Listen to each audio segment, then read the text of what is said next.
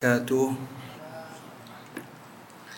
الحمد لله رب العالمين والصلاة والسلام على أشرف الأنبياء والمرسلين وعلى آله وصحبه أجمعين. سبحانك لا علم لنا إلا ما علمتنا إنك أنت العليم الحكيم. ولا حول ولا قوة إلا بالله العلي العظيم. أما بعد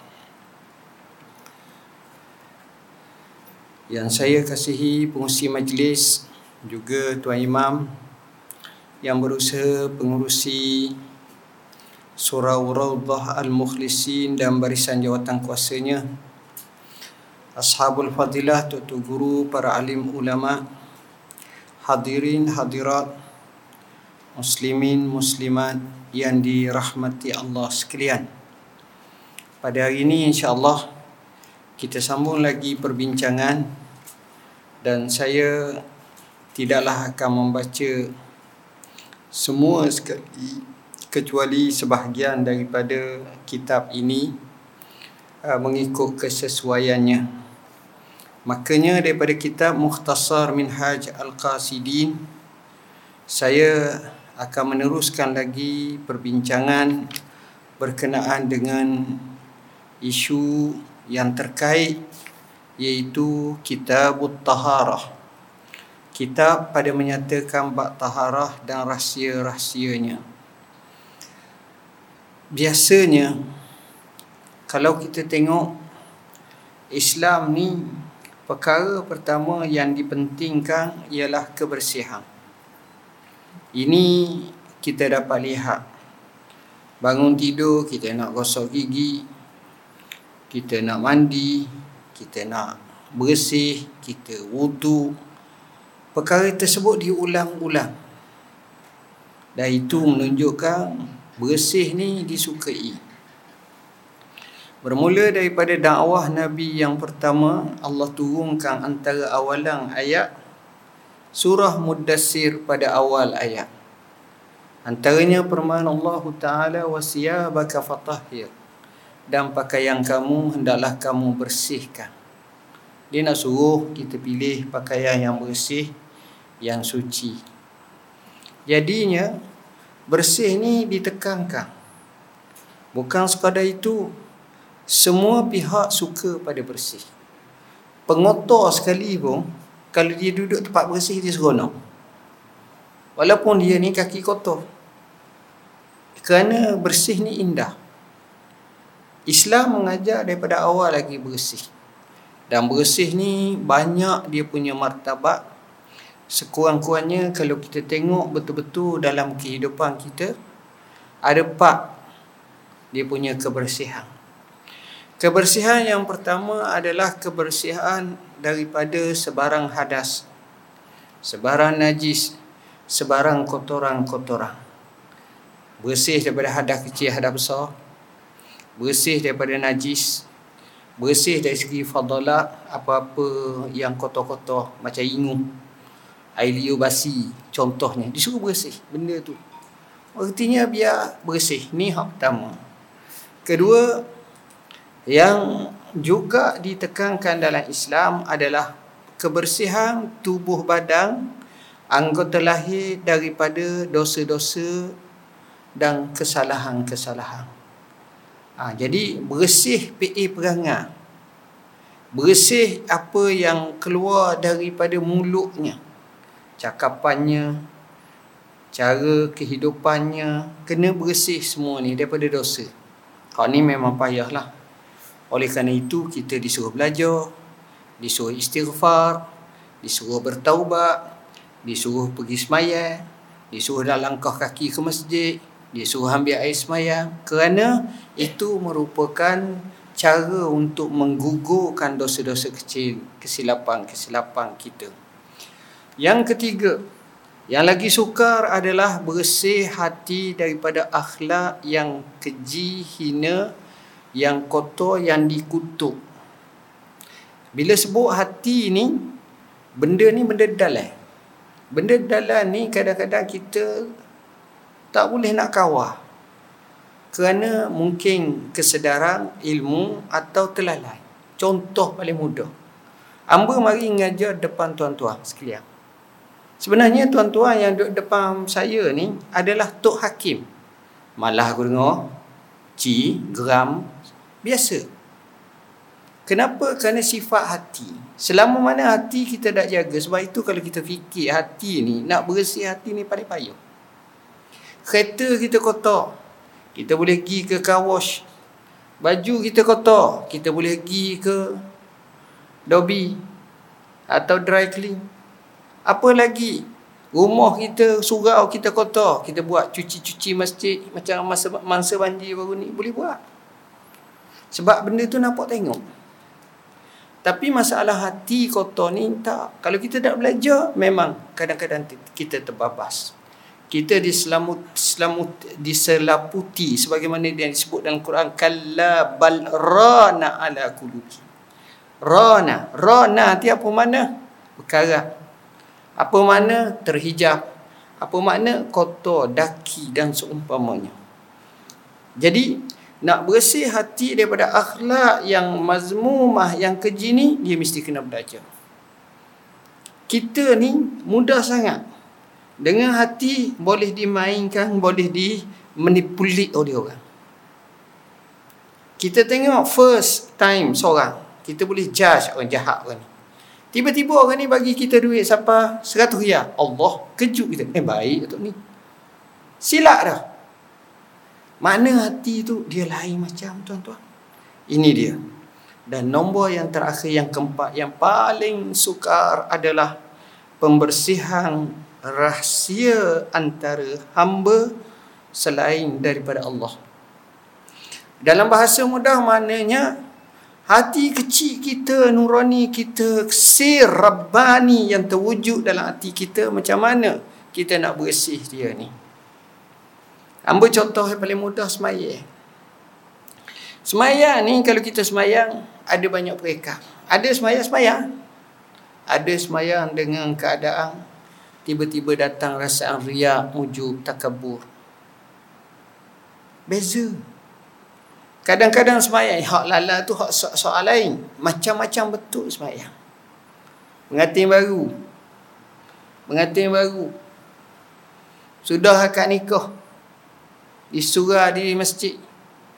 Tu email kata. Dah hang pengantin baru ikut sunnah semayang lah. Dua rakaat sunat nikah. Kita hak nikah nama dah ayah semayang dah lah. Hak tu semayang sunat lain lah. Semayang sunat nikah apa lagi ya. Itu mula-mula nikah semayang. Kita semayang masa tu depan tok tua. Tok tua pula tok email. Allah. Depan mak tua, mak tua pula ustazah. Allah.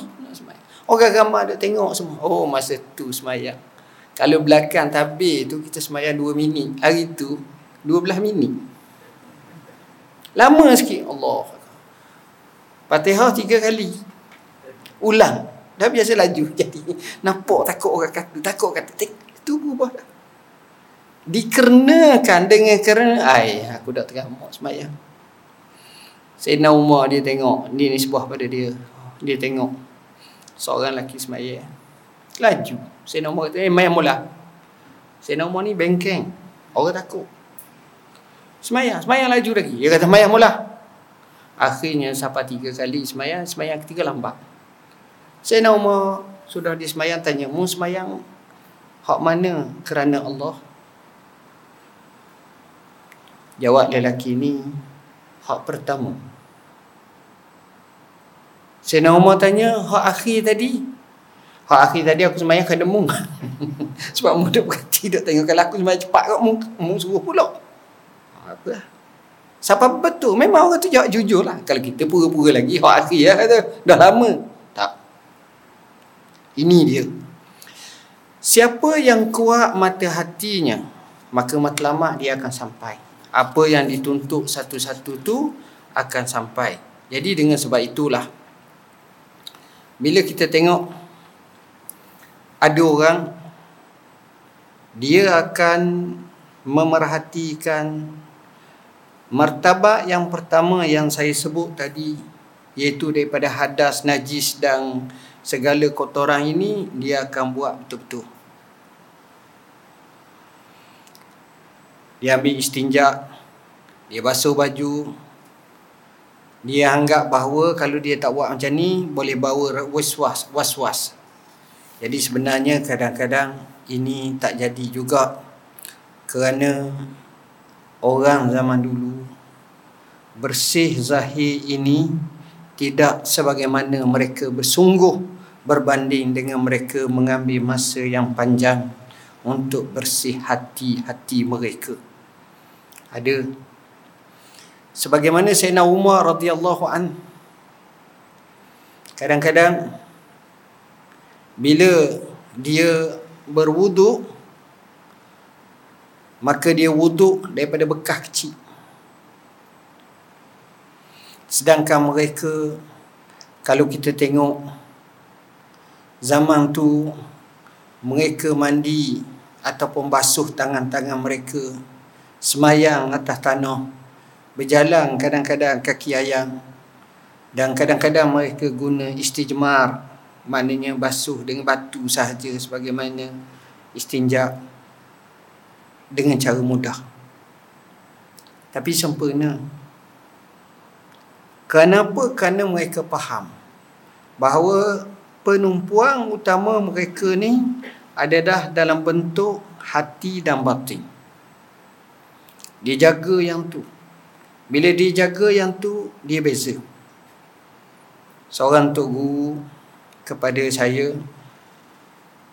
dia cerita abah dia. Abah dia ni ulama besar. Namanya Allamah Syekh Muhammad Muhammadul Mukhtar Asy-Syanqiti. Rahimahullah. Abah dia ni bertani di kota Madinah. Bila sampai masa nak mengajar tu pergi nak pergi masjid Nabi semaya nak pergi mengajar. Maka anak dia kata bawah baju tu nampak tak apa bersih kotor. Dia kata wahai anakku.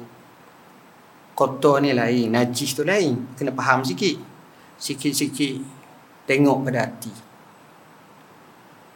Mananya di situ kita tengok. Kadang-kadang sebab itu kita ni jangan hanya tumpu manusia pada lahiriah zahir sahaja. Kata Nabi sallallahu alaihi wasallam dalam sebuah hadis yang masyhur rubba ash'as aghba zi timraini madfu'um bil abwa law aqsama 'ala Allah la abarrah. Boleh jadi ada seorang tu kusuk masai. Pakaiannya berdebu. Pakaiannya amat ringkas. Mungkin baju satu atas dan bawah kain bawah. Begitu. Kalau dia pergi kat rumah orang, orang akan tolak muka bitu. Maknanya orang boleh yang hak minta sedekah. Zaman kita ni jarang kita tengok orang minta sedekah kat rumah. Tapi generasi hak tua sikit ni pernah tengok zaman dulu, tahun 70-an, 60-an, orang mari rumah minta sedekah. Masa tu. Kalau mereka ini pergi kat rumah orang minta sedekah, orang tolak. Orang panggil marah Eh? Tapi orang ini kata Nabi SAW, lau aqsama 'ala Allah la abarrah. Kalau dia bersumpah atas nama Allah, berlaku sesuatu kerana hatinya ikhlas, doanya ikhlas, Allah akan tunaikan. Barang je. Barang je sebab hatinya bersih. Hatinya bersih. Sebab itu masalah hati ni penting itulah kebersihan kalau kita tengok mereka ni jaga betul-betul kemudian seterusnya kita nak bincang sikit berkenaan dengan fadilat solat bab taharah bab ni ni sebab ini bukan kitab fiqah dia lebih kepada kitab mauizah ingatan dan sedikit kesufian solat ini dianggap sebagai tiang agama dan puncak ketaatan. Salat. Sebab itu kalau kita tengok fadilat solat ni cukup banyak. Tuan-tuan, kaedah mudah. Nak tahu perkara tu penting. Perkara itu melibatkan banyak arahan dan banyak suruhan maka perkara itu penting Kita ngaji Quran, kita tengok dalam hadis arahan yang banyak solat. Jihad banyak tapi tak banyak macam solat. Bukan tak penting, penting sangat. Tengok. Solat banyak. Hakikatnya ada ibadat dalam seumur hidup kita sekali. Namanya haji. Kecuali kita mampu atau kita nazar atau kita nak buat lagi atau sunat ataupun seumpamanya. Ada dalam ibadat tahunan sekali. Seperti puasa Ramadan dan juga zakat fitrah. Ataupun zakat. Ada yang bersifat harian. Tengok solat harian. Dan harian bukan sekali. Lima kali. Bukan lima kali. Disusulinya dengan galakan solat-solat sunat. Sunat rawatib, sunat duha, sunat tahajud, sunat qiyamul lay, sunat witir, macam-macam sunat. Tengok, bila kita tengok banyaknya solat, maknanya itu peri penting. Nak solat, kita tengok paling pelik dalam ibadat ni tidak ada rumah. Kecuali dua sahaja. Haji dan juga solat. Haji tu nak tawaf Kaabah lah contohnya tapi solat ni ada masjid ada surau ada balasah bahkan bumi ni tempat solat Iza kum tafihim fa aqamta lahumus salat. Muduk mana mayanglah. Waju'ilat liyal ardu masjidan wa tahura. Dijadikan bumi ini bagiku masjid dan suci. Mana boleh tayamum. Kecuali tanah tu ada najis tak boleh lah. Tengok. Jadi solat ni menunjukkan penting sebab itu banyak. Dalam hal ni maka kita faham solat tu tiang agama. Kenapa tiang agama? Kerana orang tak solat ni tuan-tuan, jangan haraplah. Orang tak solat nak jadi suami, jadi huru hara rumah tangga. Nak jadi isteri, huru hara rumah tangga. Nak jadi bapa, huru hara rumah tangga. Nak jadi pemimpin, rasa akhlak. Solat. Solat ini penting. Sebab itu Islam tekankan solat. Nabi hijrah kota Mekah kepada kota Madinah. Kita tengok. Nabi asaskan solat. Tak siapa di masjid di Madinah betul-betul tempat dia nak berhenti tu singgah kubat buat masjid dah. Daripada Kubak pada hari yang Jumaat dia keluar untuk pergi ke Madinah. Kubak tu dekat je dah 10 km dah dapat dah. Jalan masuk waktu buat semayang solat semayang Jumaat. Dipanggil Masjid Jumaat sekarang. Kalau kita duduk tempat tu dengan kita tengok ke Masjid Kubak tu nampak. Saya ingat dalam 800 meter gitulah ataupun dekat sikit lagi. Sampai kota Madinah belum buat rumah lagi. Buat rumah Allah dulu. Solat. Untuk dirikan solat. Tengok nabi ni peri peri pentingnya dan prihatinnya tentang solat ni. Dan dia menjadi puncak. Manusia nak jadi baik solat. Tanpa solat jangan harap dia orang baik. Eh dia orang baik sah cuma dia tak mayanya tak. Bila orang tu jahat dengan Tuhan dia tidak ada baik dengan Tuhan dia kena baik itu sebenarnya solat. Dan fadilat solat ini banyak. Satu riwayat daripada Uthman bin Affan radhiyallahu an.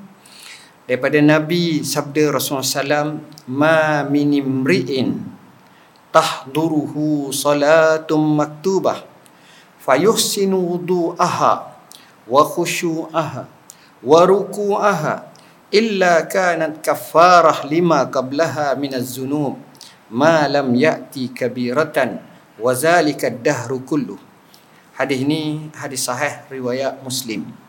Apa mak- maknanya? Maknanya tidak ada seorang bila datang sahaja waktu solat fardu maka dia mengendahkan wuduknya khusyuknya rokoknya. Kecuali semaya yang dia buat tu kiparat hak lepas dosa-dosa dia lalu. Selama mana dia tak lakukan dosa besar. Itulah sepanjang masa. Dan hadis ini dikuatkan lagi dengan satu hadis. Rasulullah SAW bersabda As-salawatul khams Semayang lima waktu tu Kafaratun lima bainahuma. Dia dapat Mengkifaratkan Baik, kita nak renung sikit hadis ni. Hadis ni yang pertama sekali Kalau kita tengok Mana-mana orang Datangnya waktu solat. Ini ada tunjuk. Nak tahu kuat tak iman kita ni Baik tak kita ni macam mana kita punya raddu fa'lin tindakan kita terhadap solat.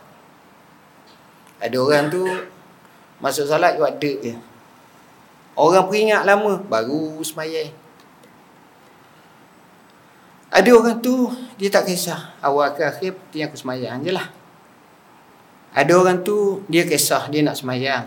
Tapi semayang di rumah seorang. Ada orang tu dia nak semayang berjemaah. Ada orang tu Masya Allah ini yang terbaik. Dia sentiasa menanti-nanti solat kerana di situ dalam hadis riwayat muslim disebut sebagai riba riba ni macam orang juang fi sabilillah berada di perbatasan itu Nabi kata riba salah satu daripadanya ialah intizarus salah pada salat Selepas solat, dia mikir solat seterusnya. Orang ni luar biasa. Tuan-tuan, kalau tuan-tuan tengok ada kampung kita, ada negeri kita, orang yang jaga semaya, tuan-tuan saksikan inilah orang yang ada iman. Dan saya anggap dia ini Tok Wali lah.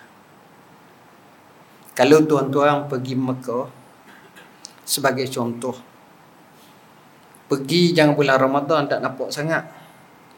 Tuan-tuan pergi Mekah, tuan-tuan tengok di Mekah sebagai contohnya siapa Madinah bukan musim Ramadan, bukan musim haji. Tuan-tuan pergi, tuan-tuan pergi duduk sah pertama. Tuan-tuan akan tengok setiap waktu ramai jenis manusia yang duduk sebelum masuk waktu tu duduk dah. Zikir. Dan hampir orang sama. Contohnya, masuk waktu zuhur satu setengah. Pukul 12.45 dia dah masuk penuh dah. Dia tunggu. Sudah semayang zuhur lepas 10.15, tak ada dah. Masuk waktu asar 4.45. Pukul 4 tu ada dah. Cuma duduk, tunggu. Sudah semayang asar 10.15 minit, tak ada. Masuk waktu maghrib pukul 7.30. Pukul enam setengah tu mula dah nak penuh. Pukul tujuh tu penuh dah. Dan biasanya hak ni dia akan tunggu sampai isyak. Ha, dia tak tunggu lah. Macam kita juga lah. Dia tunggu. Tengok. Macam mana dia boleh buat macam tu. Allah murahkan rezeki dia. Allah jinakkan hati dia. Allah ta'alukkan hati dia. Ini yang termasuk dalam hadis sahih Muslim. Yang termasuk dalam tujuh golongan yang Allah lindung pada hari yang tidak ada lindungan kecuali lindungan Allah di arash oleh arash di pada mahsyar kelak sab'atun yuzilluhumullah yawma la zilla illa zilluh. Salah satunya rajulun qalbuhu mu'allakun bil masajid. Lelaki yang hatinya sentiasa bergantung kat masjid. Baik ni orang yang selalu ada. Dia datang solat tu dia boleh seolah-olah dia ingat masuk waktu solat apa-apa dia masjid masjid dia dekat. Dia tak jauh. Malang orang dalam hidup dia masjid tak kenal malang dalam hidup dia masjid jauh daripada hati dia. Rugi orang macam ni tuan-tuan. Rugi. Tapi orang ni kita tengok. Bila dia nak semayang dia ambil wuduk ambil wuduk ni kadang-kadang kita banyak. Sepatutnya kita kena praktikal sekali kena tunjuk demonstrasi ambil wuduk wuduk ni pertama kadang-kadang kita tak ikut sunnah bukan makna tak sah sah tapi maknanya kalau ikut sunnah tu pertama dia jimat air dia jimat air kita kok buka tengah tu jawab handset kaki kok tepuh kepada air peh peh peh Lepas tu duduk pula buah pula, nampak pula, lepas tu ambil pula, sambil-sambil tu. Jadi payahlah gitu. Sepatutnya kita kena ambil air yang sedikit. Air yang sedikit yang cukup untuk wuduk semata-mata dan kita buat dengan sebaik-baik tapi kita benar-benar nampak wuduk. Baik. Khusyuk dalam solat ini antara perkara awalan yang dicabut daripada hati manusia di dunia ini khusyuk dalam sembahyang. Ramai orang salat. Tapi tak ramai orang yang dapat mendirikan solat. Ada seorang ahli tasawuf. Dia masuk masjid, dia kata, aku tengok ramai orang solat. Tapi aku tak tengok ramai orang mendirikan solat kecuali lima orang. Terkejut orang ramai. Yang mari penuh kepok ramah ni. Tengok.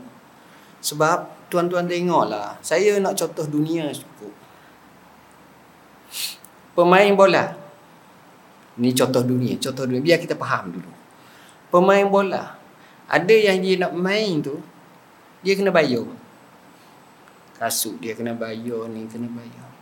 Ada pemain bola tu gaji dia 300 bulan. Ada yang 1000. Ada yang 2 juta. Ada yang 10 juta. Ada yang berjuta-juta.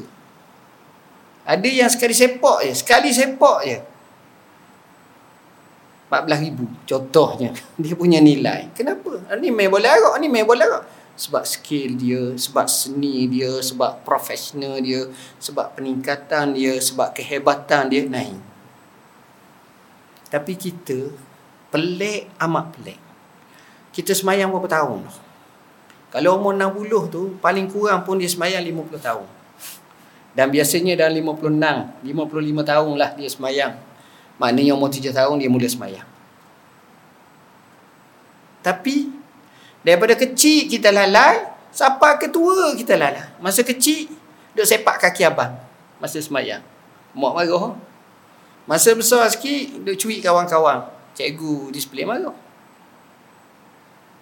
Masa umur Masuk universiti semayang Teringat ke gawe kasih ha, Dia ingat Tengok semayang Nampak gawe tu pergi surau Dia pun pergi surau ke masjid Masjid universiti Temu tepi tangga masjid Semayang budak kosong Contohnya Masa sudah kahwin Masalah lain pula Mikir duit Dah ada duit Ingat kereta pula Ingat rumah pula Siapa umur 40, 50, 60 tak ada. Ingat ngaruk je. Tak boleh nak khusyuk juga. Sebab bila kita solat itu makna kita ibadat. Bila makna kita ibadat kita akan bertembung dengan syaitan. Syaitan iblis kata Nabi SAW menyatakan akan kata kepada orang semayang uzkur kaza wa kaza. Mu ingat dia, mu ingat dia. Jadi dalam semayang dia Allahu Akbar kita ingat habis. Ingat lagi jaya Ingat lama dah nak pergi Mesema. Oh kata esok cuti. Kalau boleh nak pergi Sogo tapi takut PKP tak boleh kau keluar. Nak pergi ni macam-macam. Oh ingat. Masalahnya dalam sembahyang ni dia luar biasa. Kadang-kadang kita boleh bincang pula dalam sembahyang. Allahu Akbar. Ustaz Zul ceramah buat sembahyang kosong. Aku rasa dia sendiri pun tak kosong. Bah, bah, bah orang lain pula. Boleh jadi sungguh. Ah tengok dia payah. Sebab Syaitan akan ganggu. Tapi tuan-tuan tengok apa tuan-tuan minat. Minat masuk. Apa ni ceh masuk. Ha, tengok. Masuk dah tengok je lah semangat. Minat apa lagi? Orang beki kereta tengok. Minat orang buat rumah. Minat ni ni. Boleh. Sebab minat ni dia bukan ibadat. Jadi syaitan tak ganggu. Sebab dia tak beri pahala. Tapi hak nak beri pahala. Jadi kurang. Itu makna dia. Jadi nak khusyuk dalam sembahyang ni perkara yang mahal. Tuan-tuan kalau boleh belum mati dapatkan khusyuk dalam sembahyang. Saya katakan dunia anak anak yang punya. Siapa dapat dalam sembahyang Allah hati. Ini yang kita nak ni. Rokok dia. Kita kadang-kadang kita rokok. Kita rasa tak kita rokok pada Tuhan? Kita tak rasa. Kadang-kadang Tok Imam lama sikit. Buat apa lama Tok Imam ni? Senak perut ke? Eh, boleh tahan. Tak tahu. Tapi kalau kita bandingkan, kenapa masa rokok kita baca Subhana Rabbiyal Azim? Boleh tambahlah wa bihamdi. Masa kita sujud Subhana Rabbiyal A'la, tu ada mana? Ada mana yang besar? Tasbih ketika mana kita rokok dengan ta'zimullah dalam keadaan rokok itulah sebagai ghayatul khudu' ghayatul ubudiyah tak kala kita letakkan dahi kita yang paling tinggi susunan kehidupan manusia Allah tak jadi natang hayawan melainkan kelemahan yang amat ketara perhatilah betul-betul tak ada yang sama kita hayawan mana pun kepala dia sama tinggi dengan tubuh. Kalau tinggi pun masa makan dia jatuh ke bawah. Tapi manusia tengah duduk pun kepala tetap atas. Tengah berdiri lagi atas. Susunan jalannya sama. Allazi khalaqaka fasawwaka fa'adalak. Laqad khalaqnal insana fi ahsani taqwim. Ai comel kita dia manusia. Sama. Dalam keadaan hidup macam ni Tapi satu waktu apabila kita letakkan dahi yang paling tinggi ni Pada sama tinggi ngereh kaki kita Ingat ke tanah Dalam keadaan begitu Lafazan mulut kita Subhana Rabbiyal A'la Tengok Masuk waktu dah ni apa? Lapan? Oh ada sepuluh minit lagi Jadi itu keadaan. Cuma solat ni seronok kalau kita bahas satu persatu. InsyaAllah lah lain kali kita bincang sikit lagi. Melainkan solat itu menjadi kafarah sebarang dosa. Orang semayang ni lain tuan-tuan. Baik. Dalam satu hadis Rasulullah SAW bersabda. Man salla raka'ataini lam yahdus fihima nafsah. Ghufira lahu ma taqaddama min zambi. Hadis riwayat bukhari. Siapa yang lakukan solat hanya dua rakaat tapi tak ada pada dirinya pada kedua-duanya untuk dia bercakap dia telatah pada jiwanya pada dirinya. Maknanya dia semayang betul-betul khusyuk baik okey Allah ampun dosa dia. Tu baru dua rakaat kalau banyak rakaat macam mana ya baik Abdullah ibn Az-Zubair. Ni cerita Abdullah bin Zubair ni maknanya dia sepak dengan Rasulullah hujung lah. Maknanya dipanggil Sigharus Sahabah. Sahabat kecil. Sahabat besar ni maknanya zaman Nabi tu dia se- se- se- seumur. Muda sikit. Ha, macam dia panggil Kibarus Sahabah. Abu Bakar, Umar, Osman. Ha, itu Kibarus Sahabah. Abdullah bin Zubair ni bila dia semayang dia berdiri itu seperti batang kayu. Kanahu udun minal khusyuk. Story tuan-tuan tuan-tuan perasan tak? Anak tuan-tuan. Ambil orang kecil kali. Umur dia 9 tahun 8 tahun. Tengok cara dia semayang tuan-tuan cakap dengan dia adik ak semayang. Kita pun cakap dengan dia sebelum semayang kalau nak gatal garu dulu. Garu garu okey dia pun garu garu ah okey semayang. Allah akak saja semayang tu garu lalu. Tengah semayang tengok. Tu baru budak Hak tua ni bukan masalah garu. Hati ni entah ke mana ni. Pasar ke ni, ni, ni. Macam-macam. Tu orang tua pula. Hak budak ni garu lalu dah. Tengok. Tapi tengok Abdullah ibn Zubair semayang macam pacang kayu straight ka'annahu udun minal khusyuk dan pernah berlaku wa kana yasjudu fatanzilul asafir ala zahrihi dia sedang sujud burung-burung mari duk ingat atas belakang dia. Ni bukan burung bela macam belatuk tu ataupun burung kakak tua dah ni burung kakak muda ni. Ada tak kat kita? Macam tak ada payah tapi ini berlaku zaman tu apa makna? Maknanya dia dia dia dia, dia sujud lama. Dia konsisten betul-betul cara semayang sehingga dia sangka tu sebagai dahang ataupun dinding siapa tahap tu dia pernah semayang satu hari di hijir.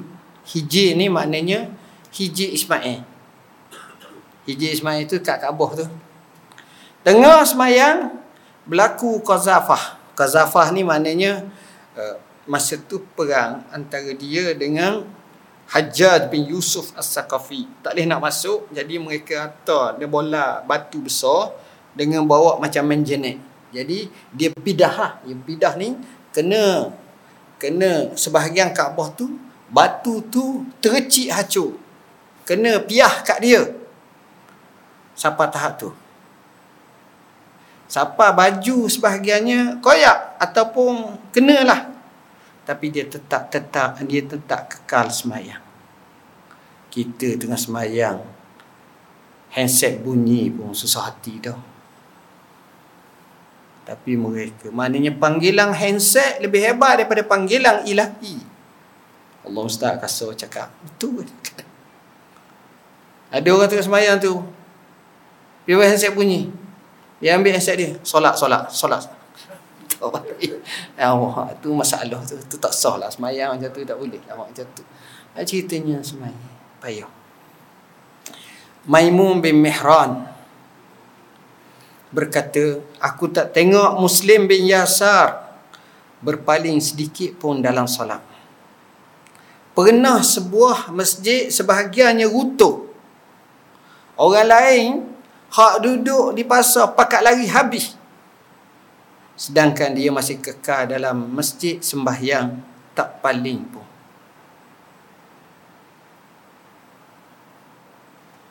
Hebat. Dia ini Muslim bin Yasar keluarga dia kalau dia masuk rumah senyap habis. Tak cakap. Ada orang haibah macam tu. Ni kita masuk rumah keluarga kita sedang ketawa apa? Tengok uping-iping. Tengok TV Ha, dia tak senyap. Apabila dia semayang, Sulaiman bin eh, Muslim bin Yasar ni apabila dia sembahyang, semua pakat cakap dan ketawa. Apa makna? Maknanya Muslim bin Yasar ni kalau dia kata takbir Allah Akbar dia terlupa habis dah, dah ingat habis dah. Jadi keluarga dia galak ke gurau ke ketawa ke apa dia tak sedar dah. Ada orang macam tu.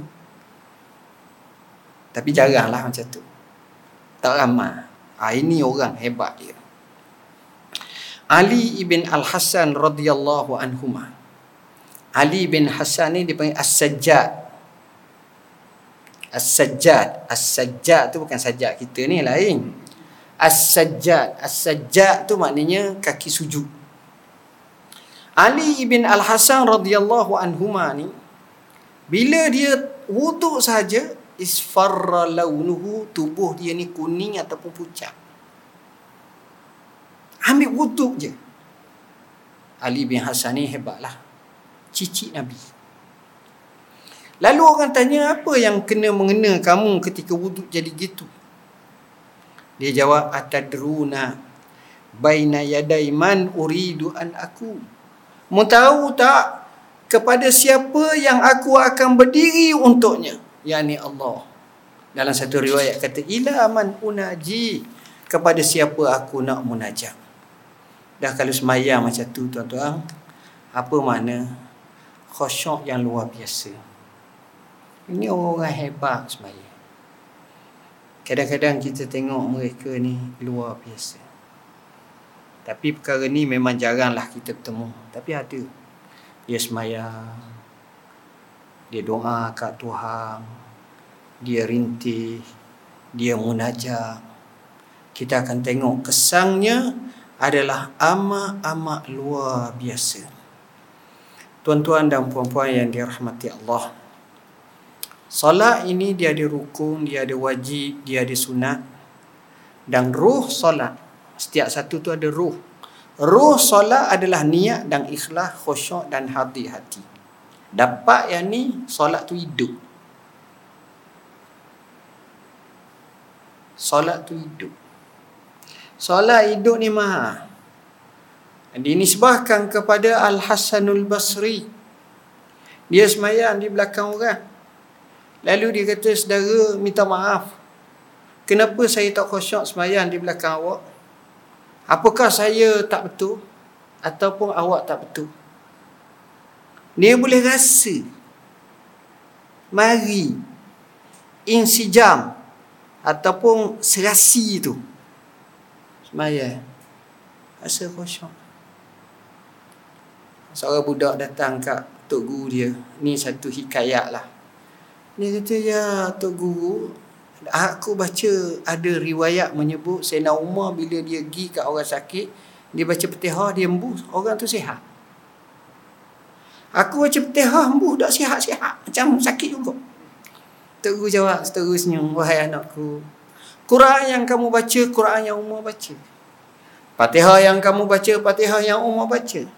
Bismillah yang kamu baca, Bismillah yang Umar baca. Cuma aku nak bagi tahu itu Umar, ini kamu. Maknanya bukan sekadar bacaan tapi penghayatan orang yang lakukannya itulah hebatnya. Orang yang melakukannya itu. Jadi bila kita tengok macam itu sebab apa? Sebab dia dia baca dengan hati. Dia baca dengan tadabbur. Dia baca dengan mata zahir dan mata hati dia.